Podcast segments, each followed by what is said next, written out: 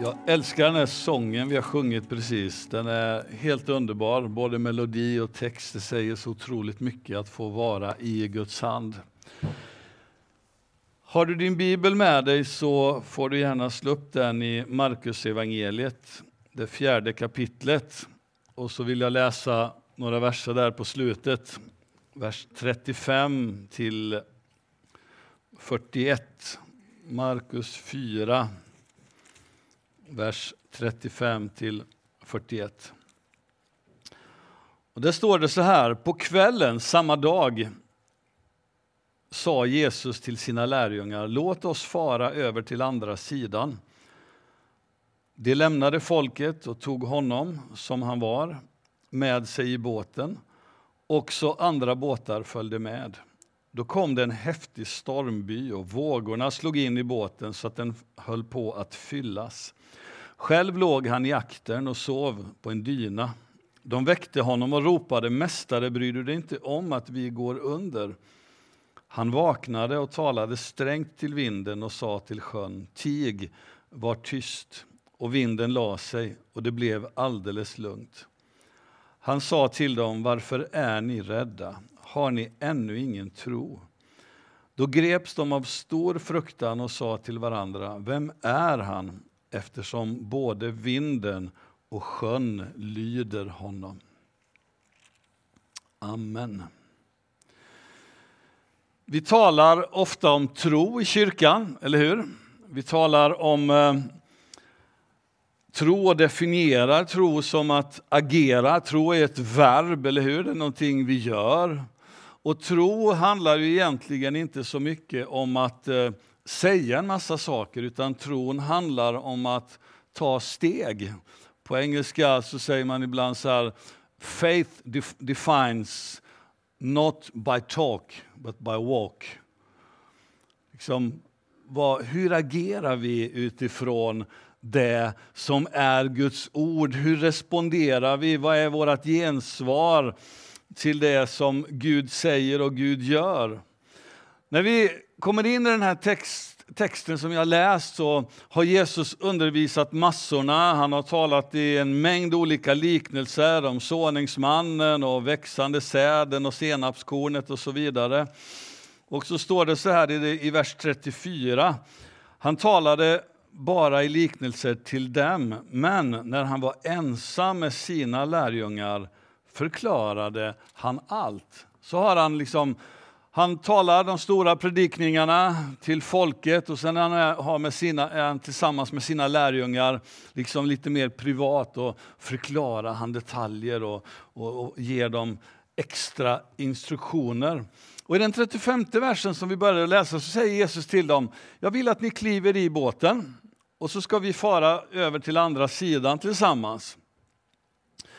Eh, och innan vi drar vidare på vår resa här så vill jag bara säga att, att lärjungarna, de var mitt i Guds vilja. Eller mitt i Jesu vilja. Det är Jesus själv som säger till dem, låt oss gå in i båten nu, sätt er i båten, vi far över till andra sidan. Det är ett uppdrag som Jesus ger dem. Och så de är mitt i Guds vilja för deras liv där och då när de stiger i båten. De gör det på Jesu befallning och de är i båten tillsammans med Jesus. Jag tycker det är viktigt att lyfta fram det. För i båten så möter de ett problem och det är en stark, stark vind som kommer emot dem. Vers 37 så står det då kom det en häftig stormby, eller andra översättningar så eh, har man skrivit en våldsam storm. Och vågorna slog in i båten så att den höll på att fyllas.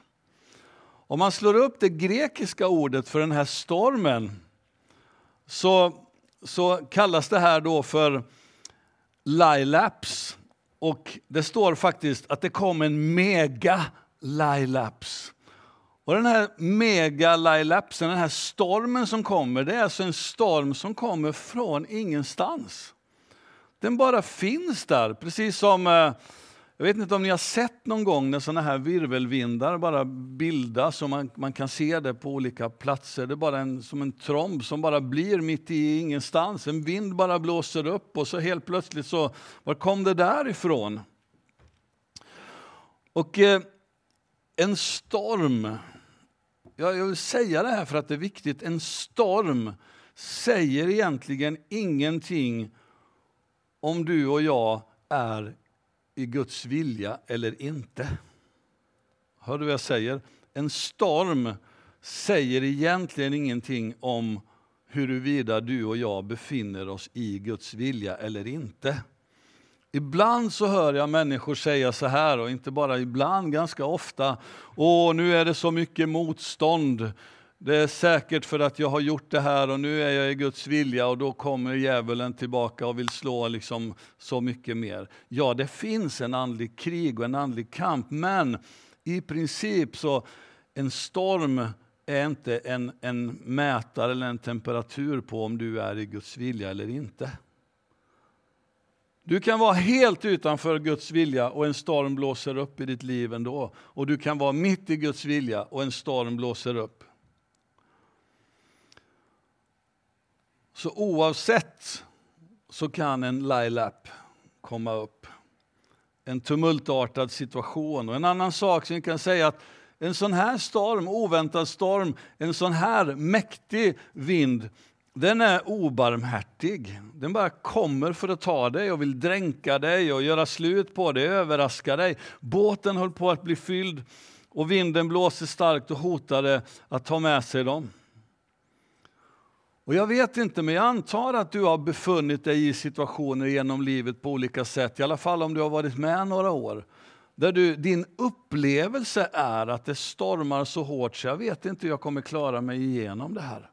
Jag vet inte vad som kommer att hända, jag vet inte hur det kommer gå. Jag bara lägger mig ner platt och dör just nu, för jag vet inte vilken utväg det ska finnas. Jag vet inte hur saker och ting kommer att utvecklas. Och då menar jag inte bara, jag snackar inte om att du har lite ont i huvudet eller något sånt där, utan alltså att det verkligen stormar runt omkring dig. Du, det bara är så stort att du, du kan inte riktigt greppa det. Men jag skulle vilja säga dig en sak, lite grann som jag försökte att lyfta upp förra söndagen. En storm i ditt liv kommer alltid att ge dig en ny erfarenhet med Gud. En storm du går igenom kommer alltid att ge dig en ny erfarenhet med Gud. Vad gör jag av det här? Hur agerar jag mitt i den här situationen? Hur, vad ska jag göra? På vilket sätt kan jag se på omständigheterna? Hur kan jag se på det här som händer? Och eh, här är de i kris och egentligen så är det tre stormar de möter skulle jag vilja benämna lite grann här idag på morgonen. Och den första stormen är omständigheternas storm. En storm som du inte kan kontrollera.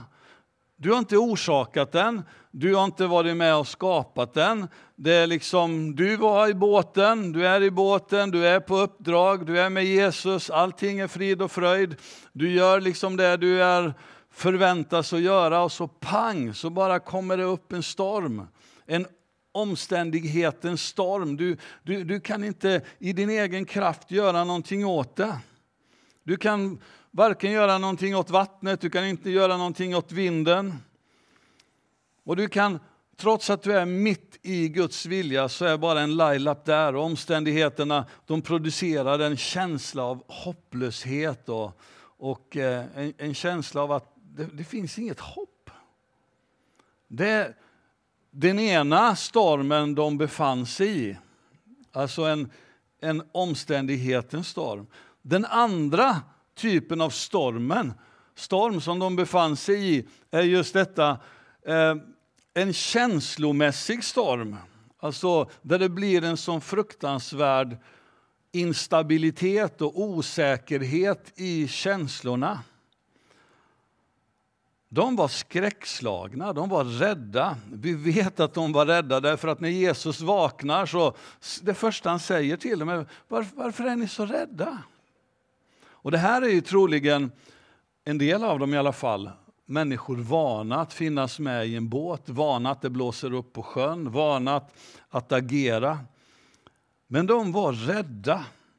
Så här har vi alltså inte bara en storm av omständigheter, vi har också en känslomässig storm, för deras känslor har rivits upp och de är rädda. Och människor kan vara rädda för så många olika saker. Vi kan vara rädda för allt möjligt, rädda för vad doktorn kommer att säga, rädda för det ekonomiska läget, rädda för att drunkna, rädda för att stryka med, rädda för saker vi inte ens visste att vi kunde vara rädda för, men helt plötsligt så är man rädd.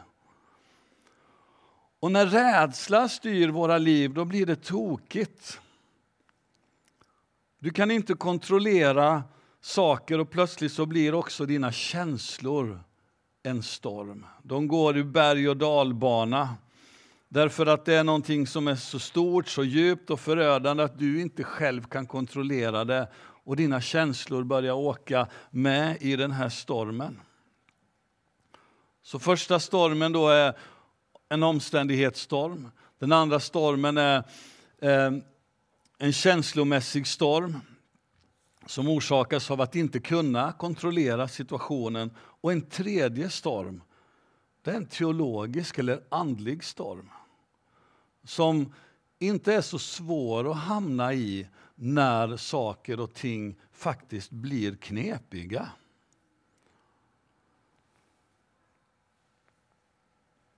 Texten som vi läste säger att de väckte Jesus och Jesus eller de väckte Jesus och de sa, bryr du dig inte om att vi går under? Hörde ni vad lärjungarna sa? Jesus, bryr du dig inte att vi går under? Se, det här, är, det här är en andlig storm. Omständigheterna kunde de inte kontrollera, känslorna åker berg och dalbana. Så Jesus, vad jag har hört om dig, vad jag har märkt om dig, det, har det som har berättats om dig, och det jag upplever just nu, det matchar inte. Det är någon obalans någonstans och, och, och, jag vet inte, Jesus, bryr du dig verkligen om mig? Jag vet inte om saker är på riktigt eller inte. Om vi, om vi ska vara sanna mot oss själva så kanske är det så att du och jag agerar som Marta och Maria ibland. Och vi har sagt, Jesus, var var du någonstans när vi behövde dig?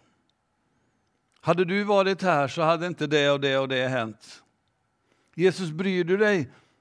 Eller är det bara teologiskt nonsens som jag ska tro på? Har du befunnit dig där någon gång så vet du vad jag pratar om.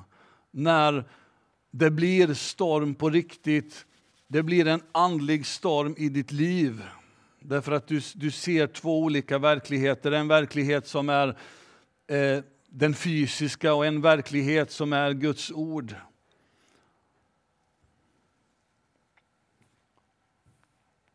Och vers 38 gör inte saken mycket enklare heller. För där står det att Jesus han låg i aktern och sov på en dyna. Jesus, jag är ensam i en storm och du ligger och snarkar. Jag är i en storm och du ligger och sover.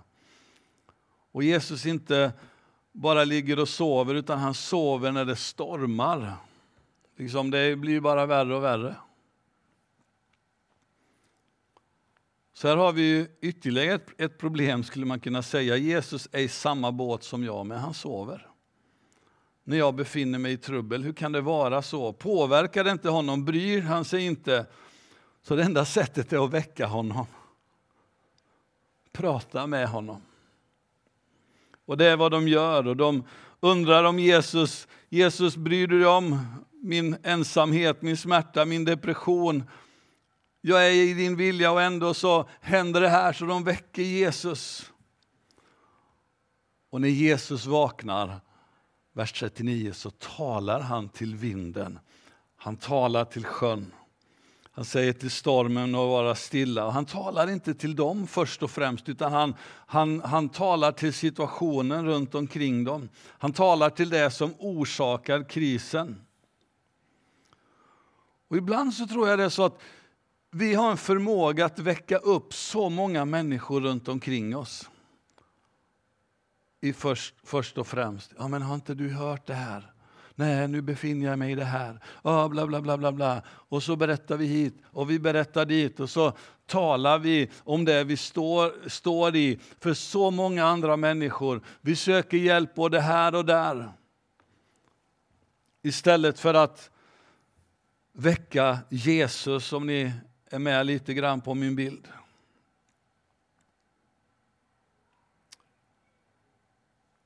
Varför är ni så rädda? Varför hade ni inte tro? De väcker Jesus och han ställer dem den här frågan. Varför hade ni inte tro? Jo, jag vet inte Jesus, men det är kanske så att vi är på väg att dö. Det är svårt. Men det här för oss tillbaka till vers 35. Början på den här berättelsen. Där Jesus säger, låt oss gå över eller fara över till andra sidan. Låt oss fara över till andra sidan. Jag läser det igen. Låt oss fara över till andra sidan. Japp, du var pepp och upprymd över att åka över till andra sidan tillsammans med mig i båten, men när omständigheterna dyker upp så låter du allt det här andra skugga över dig. Säger Jesus, det sa han inte men Jesus sa låt oss fara över. Vi ska tillsammans ta oss över till andra sidan. Jag är med i båten. Även om en lilap dyker upp, även om en storm dyker upp, så är Jesus med i båten. Men våra problem skuggar ofta Jesu löfte. Och lever du och jag i ljuset av problemen och inte i ljuset av löftena så blir det ytterligare problem, eller jag på att säga. För då kommer problemet att regera över ditt och mitt liv istället för att Guds ord får vara det som faktiskt sätter standarden och fyller ditt och mitt hjärta med frid, trygghet och framtidshopp och hoppet för nuet. Och Jag skulle vilja säga så här att Gud han vill aldrig att dina och mina omständigheter, dina och mina stormar ska stå över hans ord. Och inte över hans närvaro, för han finns med i båten. Han är med i båten.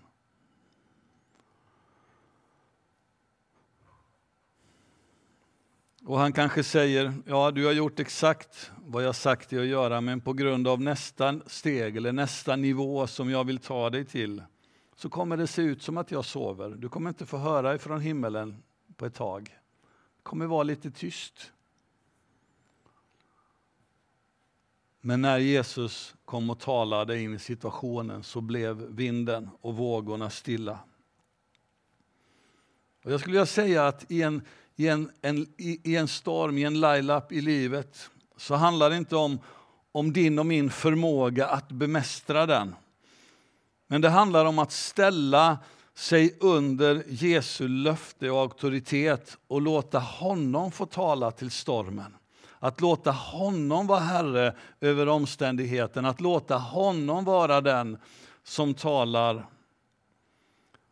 Problemet var ju inte att väcka Jesus, utan Problemet var avsaknaden av tro. Så Jesus han talar till problemet och omständigheterna för, förändras.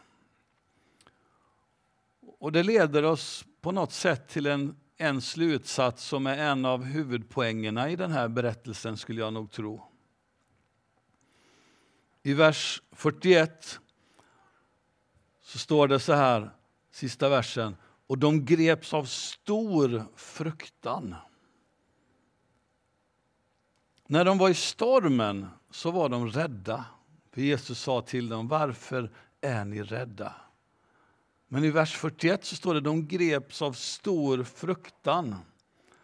Och vad händer här? Jo, när de fattade vem de hade att göra med, när de fattade vem som var i båten tillsammans med dem, då greps de av stor fruktan.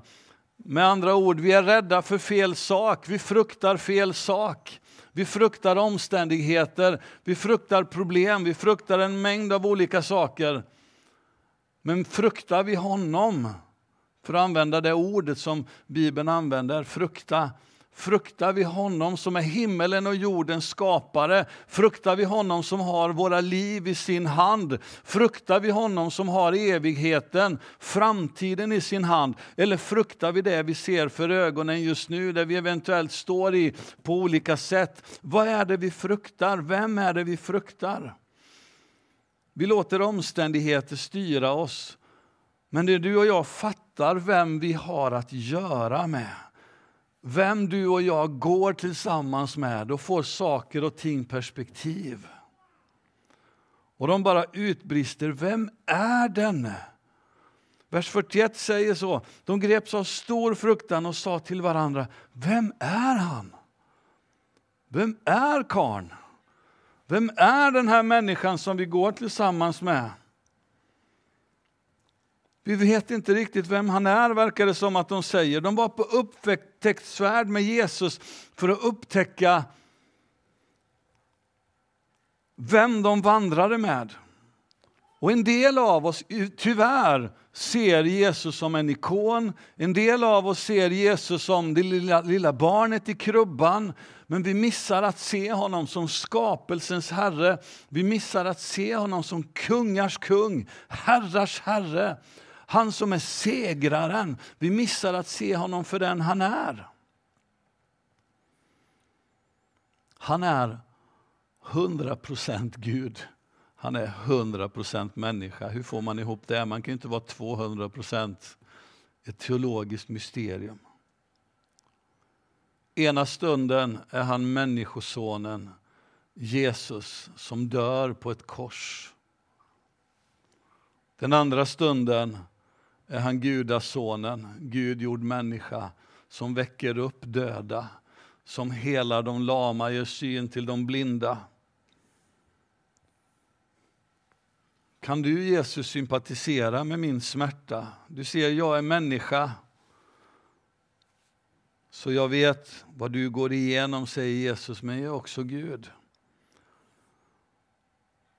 Så när du och jag har med Människosonen att göra, är det den enda som både kan känna med dig och fixa dig samtidigt och göra någonting åt omständigheterna du befinner dig i. Vem är denne? Vem är Jesus? Jag sa innan att en storm ger oss alltid möjligheten att göra nya upptäckter med Gud. Att få växa tillsammans med honom. Och jag tror att Gud vill föra oss när Bibeln står att, när det står i, i, skriften att han för oss från härlighet till härlighet så tror jag också det är en beskrivning av att växa tillsammans med honom. Att vi får upptäcka i vår vandring med Gud hur han för oss vidare i en större djuphet av tro, vilket är förtröstan. Där han faktiskt säger låt oss ta de här stegen tillsammans. Kom, låt oss gå. Låt det inte bara vara liksom prat, utan walk the talk. Låt oss få gå tillsammans. Jag tror jag aldrig kommer glömma den erfarenheten när Inga-Lill och jag åkte ner till Peru 97 för att hälsa på egentligen. Jag har berättat det förut, berättar det igen. Två månader tidigare så hade vi blivit av med en en god vän, en kollega, en, amer, en amerikanska, en missionär som hade dött i en flygkrasch. Vi bodde i ett bergigt område, 2300 meter över havet och fanns det en mängd vulkaner runt om stan på närmare 6000 meter allesammans. Och en, en dimmig dag så kommer flygplanet och skulle landa och det är någonting fel någonstans och de kör rakt in i, en berg, i ett berg och alla på det planet dör. Den här vännen till oss dör. Och vi åker ner två månader efter den här händelsen och befinner oss i huvudstaden Lima och ska på väg till Arequipa där det hela hände och där vi bodde tidigare. Och jag är på väg och ska köpa flygbiljett och det finns bara flygbiljett med det här bolaget som hade kraschat. Och av både erfarenhet och av det som en god vän till oss hade berättat för oss som är en nörd på flygplan. Han var en sån nörd så han vet liksom, aha, när är planet det och det som åker förbi. Liksom. Eh, och han bara visste att de här planen var sådana plan som Europa hade skrotat en gång i tiden för de var i princip odugliga men så tar man dem i bruk i Sydamerika. Och jag får biljett till det här planet. Det enda som fanns. Och så är vi på väg ut ifrån rummet hos dem vi bodde hos. Och jag ser en liten så här väggalmanacka med ett datum på och en liten andakt under. Har ni sett sådana? Så jag, det är några dagar som inte har rivits bort, så jag river fram det här dagens datum. Jag skulle haft med lappen idag, jag har den hemma. Och så river jag bort och så står det på den här dagens datum. Syndens lön är döden. Romarbrevet 3.23. Och så var det tillämpningen. Ett plan åkte till ett bergigt område och så var det fel på höjdmätaren. Och därför så kör det här planet in i bergsväggen och piloten och de som är med dör. Och så fortsatte andakten då, därför att det var ett litet fel. Liksom det fanns synd och så dog alla. Typ. Det var tillämpningen av den här andakten. Bra eller dåligt ska jag inte lägga mig i just nu. Men kan ni fatta mig när jag tar den här lappen i handen, läser det och vet vi är på väg till flygplatsen, ska ta det här usla planet till ett bergigt område. Jag viker lappen, lägger ner den i bröstfickan. Jag sa inte ett pip till Ingalill.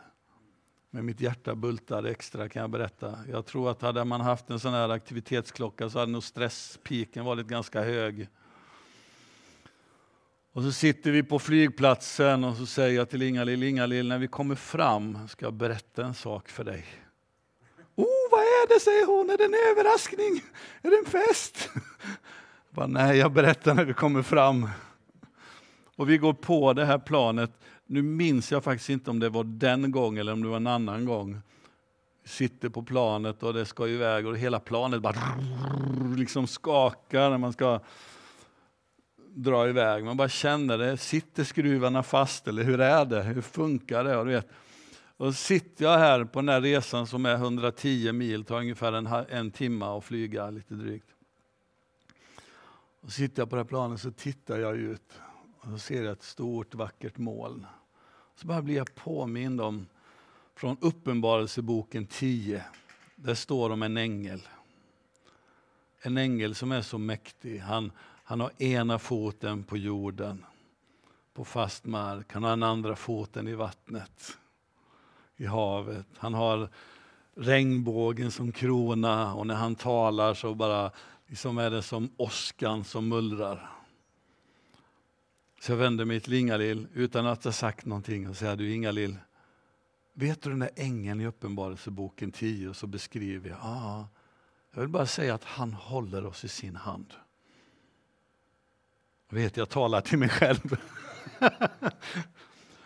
Vad jag minns var att den där landningen var rejält svajig. Vi gjorde en, en runda extra så här, för det gick inte att landa på grund av vindar och så vidare. Och så nästa försök då, då landade vi och det var riktigt svajigt. Så när vi kommer, har landat, vi taxar in. Bling! Då berättar jag för Ingalill, tar jag fram den här lappen. Ehm, och vad är, alltså, erfarenheten av det är ju, tror jag, att på nå, någonstans, den erfarenheten lärde mig att, som Ruben, lägg ditt liv i Guds hand. Jag skulle ha kunnat suttit hela den där äh, tiden, både på flygplatsen, på flygplanet och så vidare, bitit på naglarna, varit jätterädd, tänkt på alla saker som skulle kunna ske, varit orolig för allt möjligt som eventuellt som jag inte visste om, som skulle kanske eller inte hända. Är ni med? Och bara skapat, bara gjort mig en massa oro. Men vi uppmanas att, att lägga våra liv i Jesu hand därför att han, han är med oss i båten. Han har sagt, låt oss fara över till andra sidan. Och ibland så behöver vi själva upptäcka vad som finns i våra hjärtan. Vi läser i Gamla testamentet, i femte Moseboken 8, hur Herren säger, jag lät er vandra i öknen i 40 år för att pröva vad som fanns i era hjärtan. Så att ni skulle förstå att jag är Gud. Så att ni skulle förstå den jag är. Och ibland så, ibland så inte för att Gud sänder prövningar, men när vi, när vi går igenom prövningar så blir det lite temperatursmätare för oss själva. Vad är det som är, vad är grunden i mitt liv? Vad är det jag grundar min trygghet i? Du vet när man bakar en kaka, en sockerkaka eller något. Jag är inte så bakmänniska, men du vet, man sätter på timern och ugnen rätt temperatur och så kikar man och så helt plötsligt så brrr, går den här klockan eller pip, pip, pip, pip, eller vad du har hemma. Och så tar du ut kakan och den är gyllenbrun och fin och du tittar på den. Ja, den, den är väl säkert klar. Hur vet du att den är klar? Ja, men klockan ringde. Då är det väl klart. Vill man vara riktigt säker, vad gör man då? Exakt, man tar fram en sån där, vad heter det? En provsticka, tack. Man tar en provsticka och så sticker man i den i kakan för att se om kakan är klar eller inte. Och är kakan inte klar, vad gör man då? Då stoppar man tillbaka den i ugnen och så justerar man tiden så att det blir som det ska bli.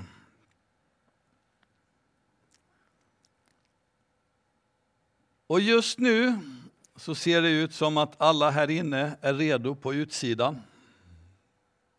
Om du är en kaka. Ser det ut som att alla är redo på utsidan. Ser det ut som att alla vi klarar stormen. Men Gud han trycker in en sån där äh, sticka i dig och mig.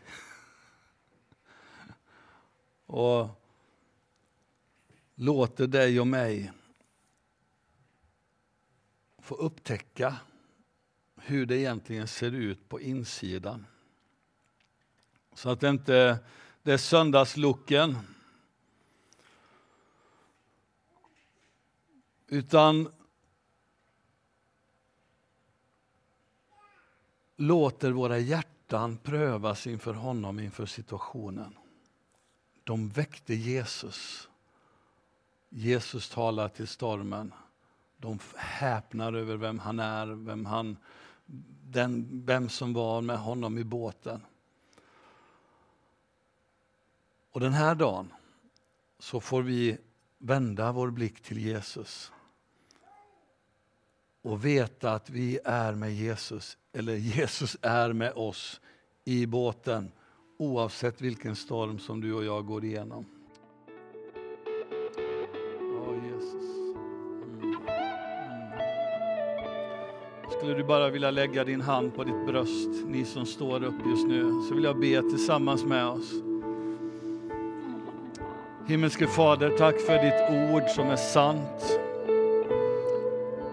Tack Herre för att du känner oss var och en. Herre, du, du känner våran vardag, du känner våran, våran kamp. Herre, du känner våran, våran brottningskamp som vi har ibland. Herre, du vet det som skaver emellanåt. Herre, du känner våra frågor, våra funderingar. Och herre, du, du vet exakt var vi låter vår blick vila emellanåt. Och Herre, vi vill inte låta fruktan eller omständigheter eller känslor styra våra liv. Så Herre, låt oss få inse att du är den som är med oss, du som, som får oss att häpna över att det är dig vi ska frukta. Och Herre, att du är så kolugn i allting, för du har sagt att vi ska ta oss över till andra sidan, så att du till och med sover i båten. Herre, vi ber att du blåser med din frid över var och ens hjärta som står upp just nu. Herre, med din närvaro. Herre, att din närvaro får göra skillnaden. När omständigheter försöker att skrämma, när omständigheter försöker att trycka på. Herre, så får ditt ord vara det som består. Så får ditt ord vara det som bär, så får ditt ord vara det som gör skillnaden. Mm. Herre, tack för att du berör våra hjärtan just nu på det sättet var och en av oss behöver. Herre, vi älskar dig. Vi älskar dig.